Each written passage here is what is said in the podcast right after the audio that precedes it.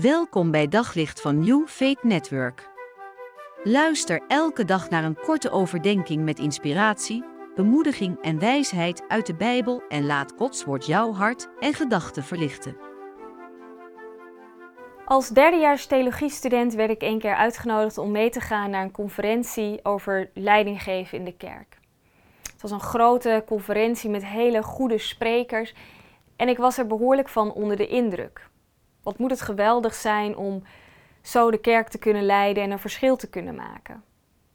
Tegelijkertijd voelde ik me ongemakkelijk, want ik had niet het gevoel dat ik dat kon doen. Ik was immers maar een student. En bovendien een vrouw en wat voor een toekomst zou ik ook hebben als het zou gaan om een positie van leiderschap in de kerk. We denken vaak dat we een zekere positie moeten hebben, willen we een groot verschil kunnen maken. En het Bijbelboek Esther lijkt daar in principe ook op te wijzen. Esther is koningin geworden en haar oom Mordechai is nog vaak ook in haar omgeving te vinden, vertelt haar soms dingen. En in hoofdstuk 4 vertelt hij haar ook over de plannen die Haman heeft om het hele Joodse volk om te brengen. En dan vindt er een bijzonder gesprek tussen die twee plaats.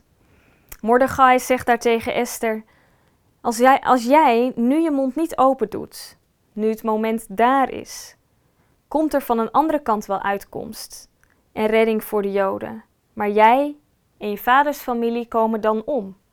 Wie weet ben je juist koningin geworden met het oog op een tijd als deze. En dan is Esther ook ervan overtuigd dat ze in haar positie iets moet gaan doen. Maar die opdracht is nog niet zo makkelijk, want ze weet dat het haar leven kan kosten. Ongevraagd naar de koning toe gaan kan haar leven kosten. En toch besluit ze om het te doen. Want ze staat in een positie waarin zij dat grote verschil kan maken voor haarzelf en voor haar volk. En ik denk dat we dat ook van Esther kunnen leren. We zijn allemaal in een zekere positie gesteld. Of je dat nu als moeder van een gezin bent, of je dat nu als baas van een bedrijf bent, als predikant van een gemeente, als student, allemaal hebben we een zekere positie.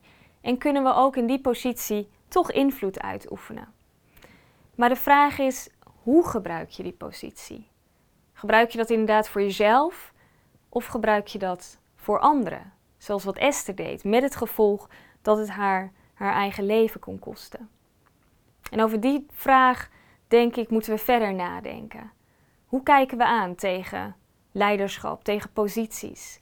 En zijn we dan vooral bezig met onszelf of ook met anderen? En mag de positie waarin jij bent geplaatst een positie zijn waarin je dat ook tot eer van God voor anderen mag doen? Op zoek naar nog meer geloof, hoop en liefde. Op New Faith Network vind je honderden christelijke films, series en programma's. Nog geen lid? Probeer het 14 dagen gratis op newfaithnetwork.nl.